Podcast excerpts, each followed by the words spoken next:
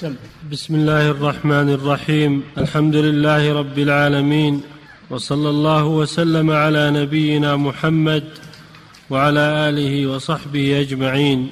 أما بعد قال المصنف رحمه الله تعالى باب دخول الخلاء والاستطابة. بسم الله الرحمن الرحيم.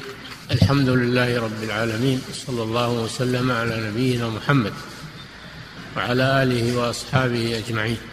قال رحمه الله باب دخول الخلاء والاستطابة أي بيان الأحكام التي تتعلق بهاتين المسألتين دخول الخلاء والاستطابة. والخلاء هو المكان المعد لقضاء الحاجة سمي خلاء لخلوه من الناس. لأن الإنسان يخلو فيه سواء كان محلا معدا لذلك أو كان في فضاء فهو موضع قضاء الحاجة. الخلاء موضع قضاء الحاجة سواء كان في مكان معد أو في فضاء من الأرض. يسمى بالخلاء. والاستطابة معناها إزالة أثر الخارج من السبيلين بماء أو باستجمار. إزالة أثر الخارج من السبيلين إما بماء وإما باستجمار. سمي استطابة من الطيب وهو ضد الخبيث. فإزالة أثر الخارج هذا طلب للطيب فسمي استطابة سمي استطابة لأن الخارج خبيث وإزالة أثره إطابة للمكان وإزالة للخبث. وهذا مما يدل على شمول هذا الدين وكماله. حيث لم يترك شيئا إلا وبين أحكامه فبين صلى الله عليه وسلم أحكام قضاء الحاجة وما يتبع ذلك من إزالة أثرها فهذا من كمال هذه الشريعة التي ما تركت شيئا إلا وبينته. حتى ولو كان مما يستقذره الناس فإن الشرع يبين حكمه فهذا فيه رد على الذين يتنقصون العلم والعلماء الذين يبحثون هذه المسائل ويقولون إنهم علماء حيض أو علماء نفاس. هم يتنقصون رسول الله صلى الله عليه وسلم لأنه هو الذي بين هذه الأحكام ووضحها. فهم بالحقيقة يتنقصون الرسول صلى الله عليه وسلم لأن العلماء إنما ينقلون ما قاله الرسول أو فعله الرسول صلى الله عليه وسلم. فهم يبلغون الناس ما صدر عن الرسول صلى الله عليه وسلم. فهم ورثة الأنبياء. فالذي يتنقصهم معناه أنه يتنقص الرسول صلى الله عليه وسلم. فينبغي حفظ اللسان عن مثل هذا الكلام لأنه قد يفضي إلى الردة والعياذ بالله. إذا وصل الأمر إلى إلى تنقص الرسول أو تنقص الأحكام الشرعية إذا وصل الأمر إلى هذا هذا ردة. فعلى المسلم أنه يحفظ لسانه من هذه الأمور. نعم. عن أنس بن مالك رضي الله عنه أن النبي صلى الله عليه وسلم كان إذا دخل الخلاء قال اللهم إني أعوذ بك من الخبث والخبائث. هذا في بيان آداب دخول الخلاء وهو المكان الذي يقضي الإنسان فيه حاجته من بول أو غائط. فإذا أراد دخوله لهذا الغرض فإنه يقول كما قال الرسول صلى الله عليه وسلم أعوذ بالله من الخبث والخبائث. فمعنى إذا أراد دخول أي معنى إذا دخل الخلاء معناه إذا أراد الدخول. وليس معناه أنه يقوله بعد ما يدخل. وإن كان ظاهر اللفظ يقتضي ذلك. وقال به بعض العلماء أنه يقوله بعد ما يدخل. ولكن الظاهر والله أعلم أن المراد إذا أراد الدخول.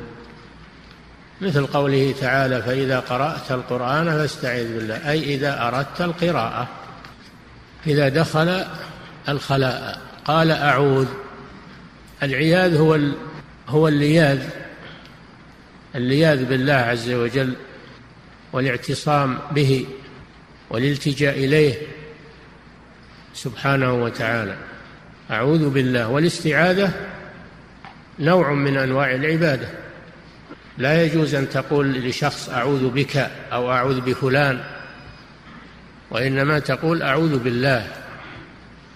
فالاستعاذة نوع من أنواع العبادة لا تكون إلا بالله سبحانه وتعالى. أعوذ أي أعتصم وألتجئ وألوذ بالله سبحانه وتعالى. من الخبث من الخبث بضم الخاء والباء جمع خبيث وهو الشي الشيطان والخبث الشياطين جمع خبيث والخبائث جمع خبيثة جمع خبيثة وهي المؤنثة من الشياطين. فهو استعاذ من ذكران الجن ومن إناثهم. استعاذ من ذكران الجن ومن إناثهم. والمناسبة والمناسبة في كونه استعاذ بالله من من الخبث والخبائث يعني من شياطين الجن وإناث ذكرانهم وإناثهم. المناسبة أن الحشوش هذه محلات قضاء الحاجة هي مساكن الشياطين. هي مأوى الشياطين.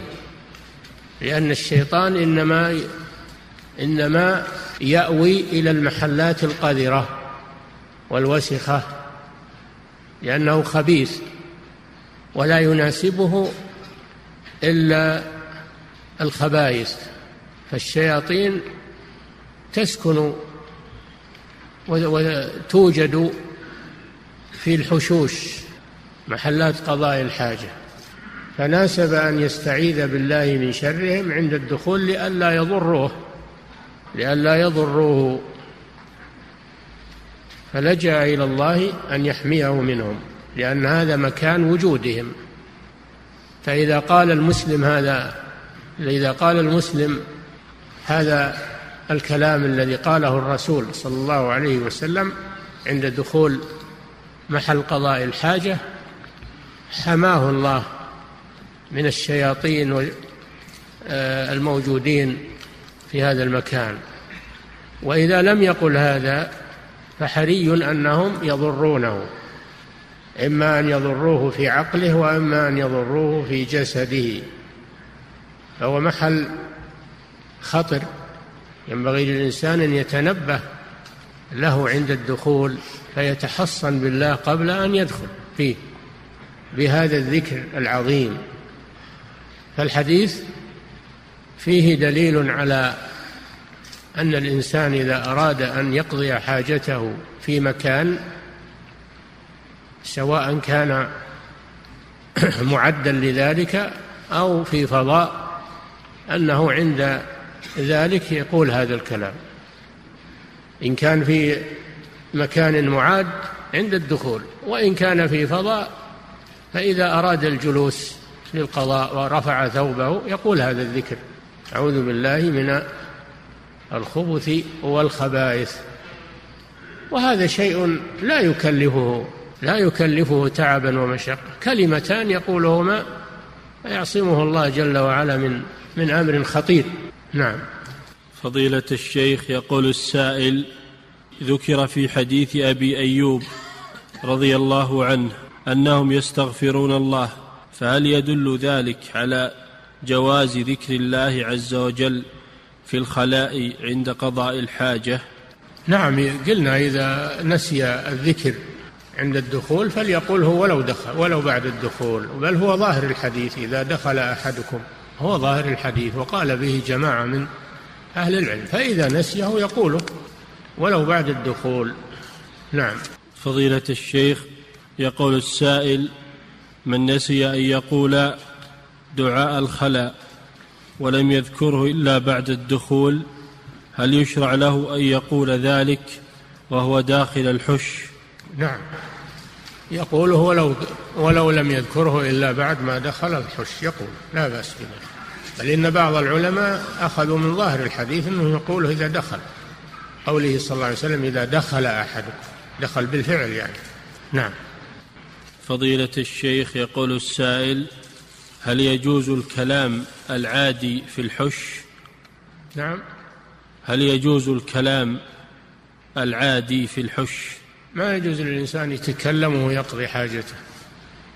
فإن أخبر النبي صلى الله عليه وسلم أن الذي يتكلم حال قضاء حاجته أن الله يمقت على ذلك. يمقت.